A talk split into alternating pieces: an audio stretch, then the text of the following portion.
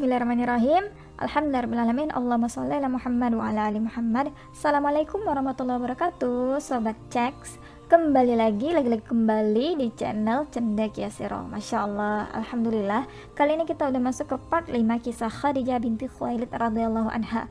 Nah bagi teman-teman yang belum dengerin part-part sebelumnya Disarankan untuk dengerin dulu ya. Baru dengerin yang part 5 Biar lebih paham ceritanya, kisahnya secara kompleks. Oke kalau gitu langsung aja. Check it out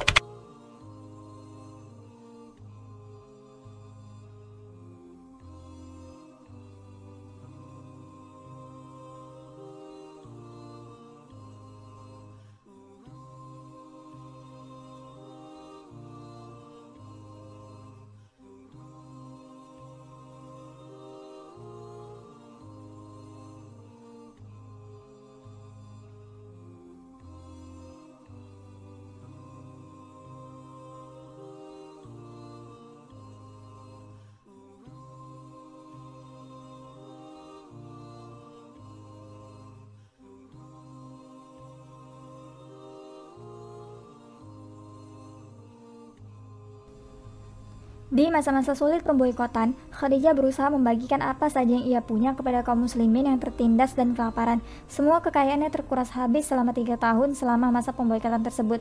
Setelah masa sulit itu berakhir, Khadijah pun jatuh sakit. Yaitu hanya selang beberapa hari meninggalnya Abu Talib, kemudian disusul dengan Khadijah yang sakit selama tiga hari berturut-turut beberapa waktu setelah pemboikotan antara muslim dan Quraisy.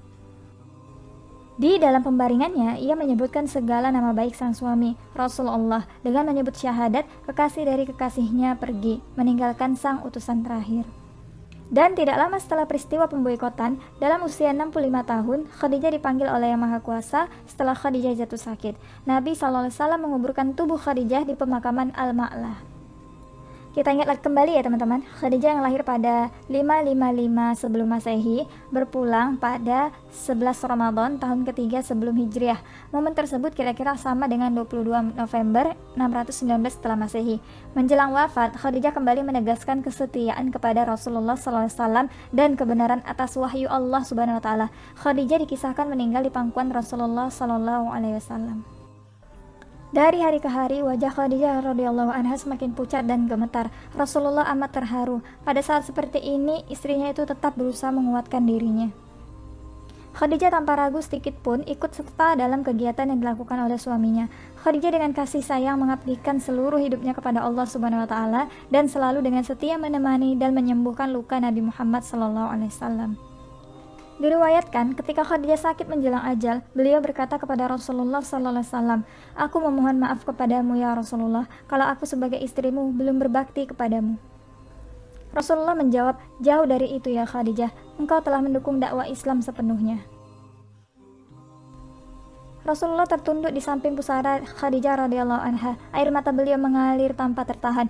Keluarga dan para sahabat merasakan betul kesedihan Rasulullah sallallahu alaihi wasallam dan berusaha menghibur Rasulullah sallallahu alaihi wasallam. Ummul Mukminin Khadijah radhiyallahu anha wafat tiga tahun sebelum hijrahnya Nabi Muhammad sallallahu alaihi wasallam ke Madinah. Saat itu beliau berusia 65 tahun.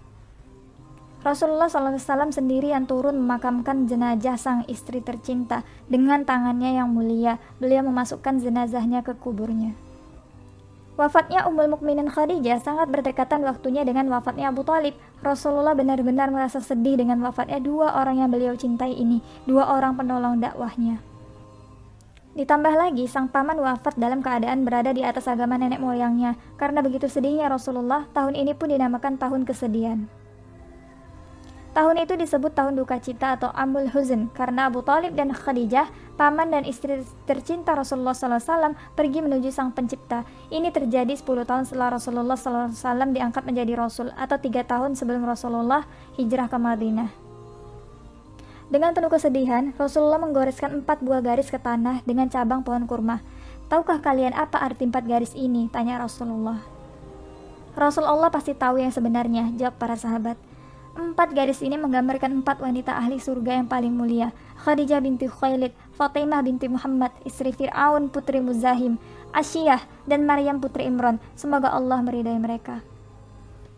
Khadijah memang telah mengorbankan semuanya, kekayaannya, kebangsawanannya, dan kemuliaannya dalam mendukung dakwah Nabi Muhammad. Khadijah adalah orang yang mula-mula masuk Islam. Dia pula yang pertama kali diajari sholat dan wudhu oleh Nabi Muhammad SAW. Detik-detik saat Khadijah merasa ajalnya semakin dekat, wanita mulia itu memanggil Fatimah Az-Zahra dan berbisik. Fatimah putriku, aku yakin ajalku segera tiba. Yang kutakutkan adalah siksa kubur. Tolong mintakan kepada ayahmu. Aku malu dan takut memintanya sendiri, agar beliau memberikan sorbannya yang biasa untuk menerima wahyu, agar dijadikan kain kafanku. Mendengar itu Rasulullah SAW bersabda, Wahai Khadijah, Allah menitipkan salam kepadamu dan telah dipersiapkan tempatmu di surga. Ummul Mukminin Khadijah pun menghembuskan nafas terakhirnya di pangkuan suami tercinta Rasulullah sallallahu alaihi wasallam. Khadijah pun di dekat Nabi Muhammad dengan perasaan pilu dan sedih yang teramat sangat. Melihat air mata Rasulullah turun, ikut menangis pula semua orang yang ada di situ. Saat itu, malaikat Jibril turun dari langit dengan mengucap salam dan membawa lima kain kafan. Rasulullah menjawab salam Jibril dan kemudian bertanya, "Untuk siapa sajakah kain kafan itu, wahai Jibril?" Kain kafan ini untuk Khadijah, untuk engkau ya Rasulullah, untuk Fatimah, Ali dan Hasan, jawab Jibril. Kemudian Jibril berhenti berkata dan menangis. Rasulullah pun lantas bertanya, kenapa ya Jibril? Cucumu yang satu, Husain, putra Sayyidina Ali, tidak memiliki kain kafan. Dia akan dibantai dan tergeletak tanpa kafan dan tidak dimandikan, sahut Jibril. Rasulullah SAW berkata di dekat jasad Khadijah, Wahai Khadijah istriku sayang, demi Allah, aku takkan pernah mendapatkan istri sepertimu. Pengabdianmu kepada Islam dan diriku sungguh luar biasa. Allah maha mengetahui semua amalanmu. Semua hartamu kau hibahkan untuk Islam. Kaum muslimin pun ikut menikmatinya. Semua pakaian kaum muslimin dan pakaianku ini juga darimu. Namun begitu, mengapa permohonan terakhirmu kepadaku hanyalah selembar sorban? Rasulullah semakin sedih mengenang istrinya semasa hidup. Pengorbanan Khadijah sungguh tidak ada duanya. Itulah yang menyebabkan Rasulullah sulit melupakan istri pertamanya itu. Bahkan dikisahkan, saking cintanya Rasulullah SAW pada Khadijah, Aisyah pernah merasa cemburu. Dari penuturan Aisyah, Nabi selalu menyebut nama Khadijah setiap hari sebelum keluar rumah. Aisyah yang cemburu mengatakan, Bukankah ia hanya seorang yang tua bangka? Sungguh Allah telah memberimu ganti yang baik, kata Aisyah. Saat itu diriwayatkan pula Nabi sangat marah mendengar perkataan Aisyah itu sampai rambutnya bergetar. Aisyah radhiyallahu anha berkata, "Belum pernah aku cemburu kepada istri-istri Nabi lainnya kecuali kepada Khadijah, padahal aku belum pernah bertemu dengannya." Ia melanjutkan setiap kali Rasulullah menyembeli seekor kambing, beliau berkata, "Kirimkanlah daging ini kepada teman-teman Khadijah." Pada suatu hari aku membuat beliau marah. Aku berkata, "Khadijah." Rasulullah SAW berkata, Sesungguhnya aku telah dianugerahi rasa cinta kepadanya. Hadis riwayat Muslim. Imam An-Nawawi berkata, ini adalah isyarat bahwasanya mencintai Khadijah adalah kemuliaan. Jika kita perhatikan, hadis ini diriwayatkan oleh Aisyah tentang kesalahan beliau sendiri, namun beliau tetap sampaikan apa adanya. Ini menunjukkan bagaimana insafnya beliau. Aisyah menyatakan bahwa ia tidak pernah punya rasa cemburu pada wanita selain Khadijah. Padahal Aisyah belum pernah melihat Khadijah. Cemburunya dikarenakan Nabi SAW selalu menyebut-nyebut Khadijah. Terkadang kala beliau menyembeli kambing, beliau memotong-motongnya lalu beliau kirim kepada sahabat-sahabat Khadijah. Aisyah radhiyallahu anha pun pernah berkata kepada Nabi sallallahu alaihi wasallam, Seakan-akan di dunia ini tidak ada wanita lain selain Khadijah. Nabi SAW menjawab, Khadijah itu begini dan begitu, dan aku mendapatkan anak darinya. Hadis riwayat Bukhari. Dalam riwayat Ahmad pada musnadnya disebutkan bahwa yang dimaksud dengan begini dan begitu adalah sabda beliau. Ia beriman kepadaku ketika semua orang kufur. Ia membenarkan aku ketika semua orang mendustakanku. Ia melapangkan aku dengan hartanya ketika semua orang mengharamkan atau menghalangi aku. Dan Allah memberiku rezeki berupa anak darinya. Dari Aisyah radhiallahu anha, ia berkata, Aku tidak cemburu pada seorang wanita pun melebihi kecemburuan kepada Khadijah. Sungguh dia telah wafat tiga tahun sebelum Rasulullah SAW menikahiku. Kecemburuanku disebabkan aku pernah mendengar Nabi SAW menyebut-nyebut Khadijah. Robnya pun menyuruh Nabi SAW untuk memberikan kabar gembira kepadanya, Khadijah, bahwa ia mendapatkan rumah di surga yang terbuat dari perhiasan. Ditambah lagi, apabila beliau sallallahu alaihi menyembelih kambing, lalu beliau akan menghadiahkan sahabat-sahabatnya Khadijah. Hadis riwayat Muslim. Jadi hal-hal ini yang membuat Aisyah itu merasa cemburu ya teman-teman ya. Sedikit kita ulang lagi ya teman-teman. Rasulullah bersabda tentang Khadijah, Allah tidak menggantikan untuk wanita yang lebih baik darinya. Ia beriman kepadaku di saat orang lain ingkar kepadaku. Ia mempercayaku di saat orang lain dustakanku. Ia menolongku dengan hartanya di saat orang lain tidak ada yang menolongku. Dan Allah telah menganuriakan kepadaku putra dari hasil perkawinan dengannya, sedang wanita-wanita lain tidak.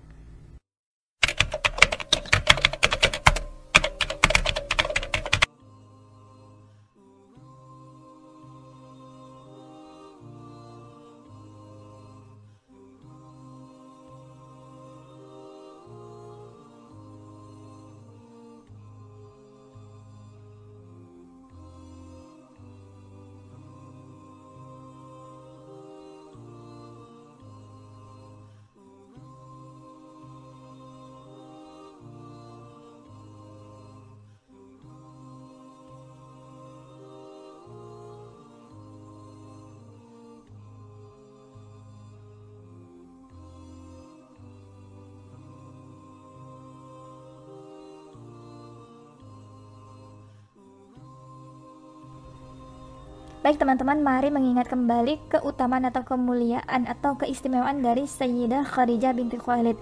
Yang pertama adalah wanita terbaik. Tidak diragukan lagi, wanita dengan keadaan demikian adalah wanita yang terbaik. Rasulullah SAW dengan lisannya sendiri memuji kemuliaan Khadijah.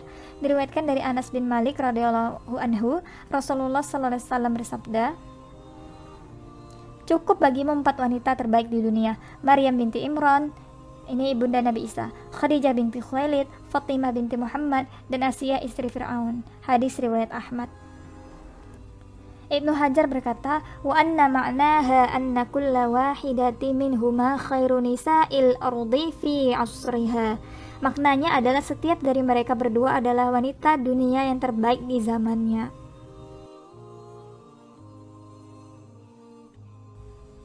Kedua, Allah menitip salam untuknya melalui Jibril. Dalam sebuah hadis yang diriwayatkan oleh Al-Bukhari dan Muslim dari Abu Hurairah radhiyallahu anhu, beliau menceritakan pada suatu ketika Jibril mendatangi Nabi Muhammad SAW sambil mengatakan pada beliau, Wahai Rasulullah SAW, ini Khadijah telah datang. Bersamanya sebuah bejana yang berisi lauk, makanan, dan minuman. Jika dirinya sampai, katakan padanya bahwa Robnya dan diriku mengucapkan salam untuknya, dan kabarkan pula bahwa untuknya rumah di surga dari emas yang nyaman, tidak bising, dan tidak merasa capai. Hadis riwayat Bukhari. Masya Allah, dapat salam dari Jibril dan dari Allah Subhanahu Wa Taala, guys. Masya Allah. Ketiga, Nabi menganggap mencintainya adalah karunia. Setelah mengetahui bagaimana setianya Ibunda Khadijah menemani Nabi Muhammad SAW, tentu kita paham bagaimana kedudukan beliau di sisinya. Hal itu juga tampak dari riwayat-riwayat betapa Rasulullah SAW sering menyebut namanya. Tadi udah kita bahas ya teman-teman e, beberapa hadisnya gitu sampai-sampai Sayyidah Aisyah radhiyallahu anha itu merasa cemburu saking Rasulullah itu sering menyebut nama Khadijah. Rasulullah juga memuliakan teman-temannya Khadijah sepeninggal beliau. Tadi juga kita ada uh, sebutkan hadisnya yang ketika Rasulullah itu memberikan daging kambing gitu ya kepada kerabat-kerabat Khadijah, teman-teman Khadijah. Sampai-sampai Rasulullah ucapkan sebuah kalimat di hadapan Aisyah yang menjelaskan kedudukan Khadijah di hati beliau. Sungguh Allah telah menganugerahkan kepadaku rasa cinta kepada Khadijah. Allah telah menganugerahkan kepada Rasulullah rasa cinta kepada Khadijah. Hadis riwayat Muslim. Keempat, lahir dari keluarga revolusioner. Khadijah lahir dari keluarga revolusioner yang sangat dihormati di kalangan Quraisy. Ayahnya Khuwailid tidak melakukan kebiasaan suku tersebut yang dinilai merugikan, misalnya mengubur bayi perempuan hidup-hidup. Jadi, ayahnya Khadijah juga tidak melakukan hal-hal yang uh, dinilai merugikan gitu ya teman, hal-hal yang buruk ya. Sebagai salah satu pemimpin suku, ayah Khadijah memilih membesarkan dan memberi pendidikan yang baik pada putrinya.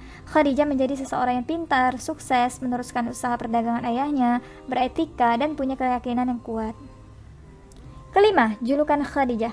Dikutip dari ensiklopedia Britannica, Siti Khadijah dikatakan memiliki karakter mulia yang tegas. Karakter tersebut melukiskan besarnya penghormatan kaum Quraisy pada sosok Khadijah seperti yang ditulis dalam buku sirah dari Abdullah Al-Malik Ibnu Hisham. Keunggulan karakter Khadijah radhiyallahu anha menjadikan kaum Quraisy memberinya julukan At-Tahirah atau yang suci, the pure, pada sosok Khadijah. Tidak heran jika Khadijah diinginkan banyak pemuka Quraisy dan mereka ingin Khadijah itu juga menjadi uh, istri dari putra-putra mereka gitu. Adapun julukan lainnya adalah Ratu Mekah, Ummu Hindun di mana Khadijah dulu uh, sebelum menikah Rasulullah uh, dengan pernikahan sebelumnya itu memiliki anak bernama Hindun dan juga julukan lainnya adalah tentunya Ummul Mukminin.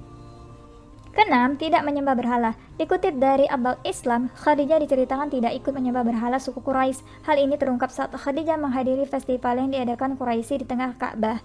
Peserta acara yang kebanyakan perempuan menyembah berhala Hubal yang dianggap dewa ramalan. Walau ikut dalam festival, Khadijah tidak ikut menyembah Hubal meski datang ke festival tersebut. Saat di festival itulah, ada orang tua menyeru kepada peserta acara. Dalam seruannya, dia mengatakan, telah hadir seorang utusan Tuhan di antara Quraisy. Jika mereka punya kesempatan menikahinya, maka lebih baik segera dilakukan. Seruan orang tua ini pun disambut ejekan, lemparan batu, dan tindakan tidak menyenangkan dari uh, para peserta lainnya. Karena orang tua ini melihat uh, Sayyidah Khadijah itu tidak menyembah Hubal tadi, teman-teman, tidak menyembah berhala. Maka orang tua ini menyebut uh, Khadijah itu utusan Tuhan gitu. Jadi kalau misalnya uh, punya kesempatan lebih baik kalian menikahinya gitu tapi seruan orang tua ini disambut ejekan tadi ya Ketujuh, Khadijah mempertimbangkan seruan adanya utusan Tuhan. Khadijah tidak ikut melakukan hal yang kurang menyenangkan pada orang tua di festival tersebut. Dia justru tenang, bijak, dan mempertimbangkan tiap kata dari orang tua Yahudi yang identitasnya tidak dijelaskan detail tersebut. Momen ini seolah menandai takdir Khadijah selanjutnya menjadi yang pertama meyakini kebenaran wahyu Allah Subhanahu wa taala dan memeluk Islam. Ketika peristiwa ini terjadi, Khadijah telah menjadi pedagang sukses yang kaya dan rendah hati. Dia juga dermawan terhadap hartanya pada orang lain yang membutuhkan. Sosoknya menjadi inspirasi di kalangan Quraisy untuk memiliki karakter jujur, bijak, dan pekerja keras. Masya Allah. Kedelapan, melamar Rasulullah SAW. Jika umumnya laki-laki melamar perempuan, maka Khadijah menempuh cara sebaliknya saat menikahi Rasulullah SAW.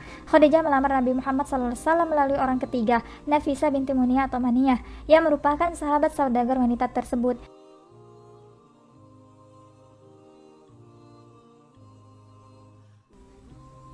Orang ketiga diperlukan karena tradisi Quraisy tidak mengenal perempuan melamar laki-laki. Selain itu, Khadijah sempat tidak pede meski kaya dan berasal dari keluarga ternama. Krisis pede terjadi karena perbedaan usia yang besar. Khadijah 40 tahun dan Nabi Muhammad SAW 25 tahun. Nah, ini kalau teman-teman uh, ada yang dengar bahwa Khadijah menikah dengan Nabi Muhammad pada usia 28 tahun, jadi ada juga pendapat yang seperti itu ya teman-teman dan ini udah kita bahas di part 4. Jadi kalau belum nonton boleh ditonton dulu ya. Kesembilan, pendukung utama Nabi Muhammad SAW. Setelah proses lamaran, Amirat Quraisy atau putri Quraisy tersebut akhirnya resmi menjadi istri Rasulullah SAW. Nabi SAW awalnya adalah pegawai Khadijah yang memimpin rombongan dagang menuju Suriah atau Syam. Pernikahan Khadijah dengan Muhammad bin Abdullah terjadi sebelum turunnya wahyu dari Allah Subhanahu wa taala atau terjadi sebelum Rasulullah itu diangkat menjadi rasul.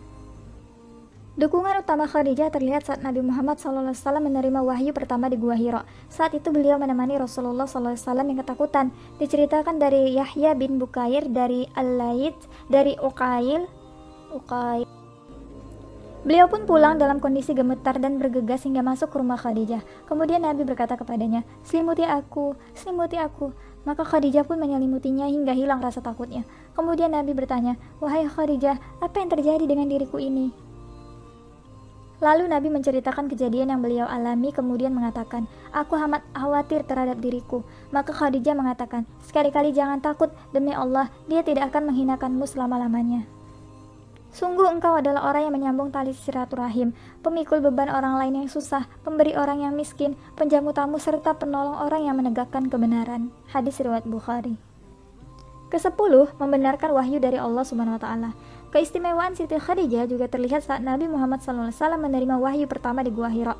Khadijah tidak bersikap masa bodoh, namun ikut mencari tahu kebenaran wahyu yang diterima oleh Nabi Muhammad SAW. Saat itu, Khadijah mendatangi sepupunya Warokah bin Nawfal yang bisa bahasa Ibrani dan sudah tua. Warokah diceritakan sebagai orang tua yang kehilangan penglihatan namun dipercaya Khadijah. Kisah ini dituliskan dalam hadis seperti yang diceritakan oleh Aisyah radhiyallahu anha. Warokah pun berkata, Jibril ini adalah namus yang pernah diutus Allah kepada Nabi Musa. Duhai, semoga saya masih hidup ketika kamu diusir oleh kaummu. Kemudian Nabi bertanya, apakah mereka akan mengusir aku? Warakah menjawab, ya betul, tidak ada seorang pun yang diberi wahyu seperti engkau, kecuali pasti dimusuhi oleh orang-orang. Jika aku masih mendapati hari itu, niscaya aku akan menolongmu sekuat-kuatnya. Dan tidak berapa lama kemudian, Warakah pun meninggal dunia. Hadis riwayat Bukhari. Kesebelas, meminta sorban Rasulullah SAW untuk kain kafan yang tadi udah kita uh, bahas juga ya teman-teman di awal. Dalam kitab Al-Bushra dari Sayyid Muhammad bin Alwi, Al-Maliki Al-Hasani, Khadijah diceritakan menggunakan seluruh hartanya untuk penyebaran Islam.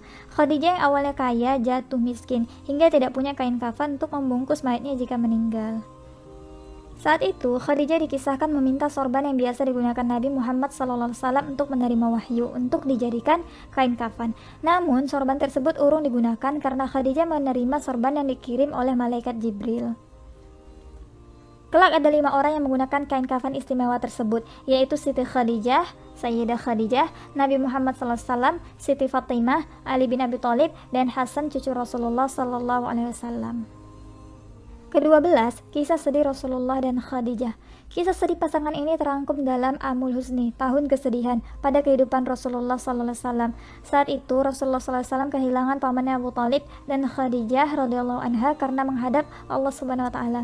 Keduanya adalah pendukung utama Nabi Muhammad SAW saat pertama kali menerima wahyu dari Allah Subhanahu Wa Taala hingga berpulang dan ini benar-benar sedih banget teman-teman sebenarnya kisah itu sedih banget mungkin nanti kita akan bahas di uh, kisah bagian Rasulullah ya insya Allah ke-13 anak Khadijah dan Rasulullah Pasangan Khadijah dan Rasulullah Sallallahu Alaihi Wasallam diceritakan memiliki dua anak laki-laki dan empat anak perempuan. Namun Qasim dan Abdullah yang mana dua anak laki-laki Rasulullah dan Khadijah meninggal saat masih berusia anak-anak. Sementara anak perempuan Khadijah dan Rasulullah tubuh dewasa ikut dalam penyebaran Islam dan menjadi contoh untuk para muslim dan muslimah. Mereka adalah Zainab, Fatimah, Ruqayyah, dan Ummu Kulsum. Dan ini secara singkat, ke-14, orang yang pertama kali sholat bersama Rasulullah adalah Khadijah. Ke-15, mengorbankan seluruh hartanya untuk dakwah Rasulullah. Dan ke-16, wanita yang matang dan cerdas pandai menjaga kesucian. Jadi memang Masya Allah sekali begitu banyak keutamaan dan keistimewaan dari Sayyidah Khadijah binti Khuwailid radhiallahu anha. Masya Allah, semoga kita bisa meneladaninya ya teman-teman. Di mana memang dari sebelum masuk Islam itu sudah menjaga diri gitu dari perbuatan-perbuatan yang buruk gitu ya. Tidak pernah yang namanya menyembah berhala juga Kemudian rajin bersedekah, tidak sombong Masya Allah, tidak heranlah kita mengapa Sayyidah Khadijah radhiyallahu anha yang dipilih Allah untuk mendampingi Rasulullah pada masa awal-awal berdakwah gitu ya. Nah, Masya Allah. Alhamdulillah, baik teman-teman itu dia part 5 kisah Khadijah binti Khalid radhiyallahu anha. Next kita masuk ke part 6 yaitu mengenai hikmah dan pelajaran apa saja gitu yang kita petik dari kisah Sayyidah Khadijah radhiyallahu anha ini adalah sumber artikel ya yang saya ambil tulisannya kemudian di, di mix and match gitu nah pertama dari salam salam.ui.ac.id news.tik.com kisahmuslim.com muslimanews.com rilia.net maniokya1.sch.id darunaja.com muslim.okezon.com dakwatuna.com blog mza.blogspot.com rumahsyo.com almanahaj.or.id muslimah.or.id firanda.com republika.co.id kalam.sindenews.com kumparan.com suara suara.com, vimela.com dan ini insya Allah uh, sumber-sumbernya kredibel semua ya teman-teman ya karena sudah saya cari juga nih mana website-website yang insya Allah itu uh, memberikan informasi yang benar-benar valid. Adapun sumber buku yang pertama itu ada Khadijah ketika rahasia mim tersingkap. Kemudian revisi politik perempuan. Ar-Rahikul Maktum The Woman of Madinah. Muhammad kisah hidup Nabi berdasar sumber klasik Teladan Agung Wanita Mukminah. Mereka adalah para sahabiat. Mulut yang terkunci 50 kisah haru para sahabat Nabi. Sirah Nabawiyah. Tangga tanpa problema. Sirah Nabawiyah Ibnu Hisham. Tarik At-Tabari. Imam At-Tabari. Kitab Al-Isabah Biografi para sahabat. Syiar A'lamu Nubala. Imam Az-Zahabi Bidayah wa Nihayah karya Ibnu Katsir. Wanita-wanita kebanggaan Islam karya Umar Ahmad Ar-Rawi. Dari Puncak Baghdad karya Tamim Ansari Al-Minhaj Syar Syahih Sahih Muslim karya Imam An-Nawawi. Fatul Bari Ibnu Hajar Al-Asqalani. Sirah As-Sahihah karya Dr. Akram Dia Al-Umari. Tarikh Muhammad Sallallahu Alaihi Wasallam Teladan Perilaku Umat karya Tahiyya Al-Ismail lebih sukses berdagang ala Khadijah dan Abdurrahman bin Auf, karya Ahmad Asraf Fitri. Nah, ini sumber PDF atau penelitian yang pertama adalah kontribusi Khadijah radhiyallahu anha dalam periwatan hadis dan yang kedua adalah skripsi Siti Khadijah Ummul Mukminin, biografi dan peran dalam mendampingi Rasulullah oleh Syarifatil Munawarah dari Win Alauddin Makassar. Jazakumullah khairan katsiran kepada semua teman-teman yang udah um, saya ambil gitu ya uh, tulisan-tulisannya semoga menjadi amal jariah dan semoga uh, bermanfaat gitu untuk kita semua Baik sahib checks, itu dia wallahu a'lam bisawab. Jazakumullah khairan katsiran. Silahkan nanti dengerin uh, kisah Khadijah radhiyallahu anha di part berikutnya. Terima kasih ya semuanya. Wassalamualaikum warahmatullahi wabarakatuh.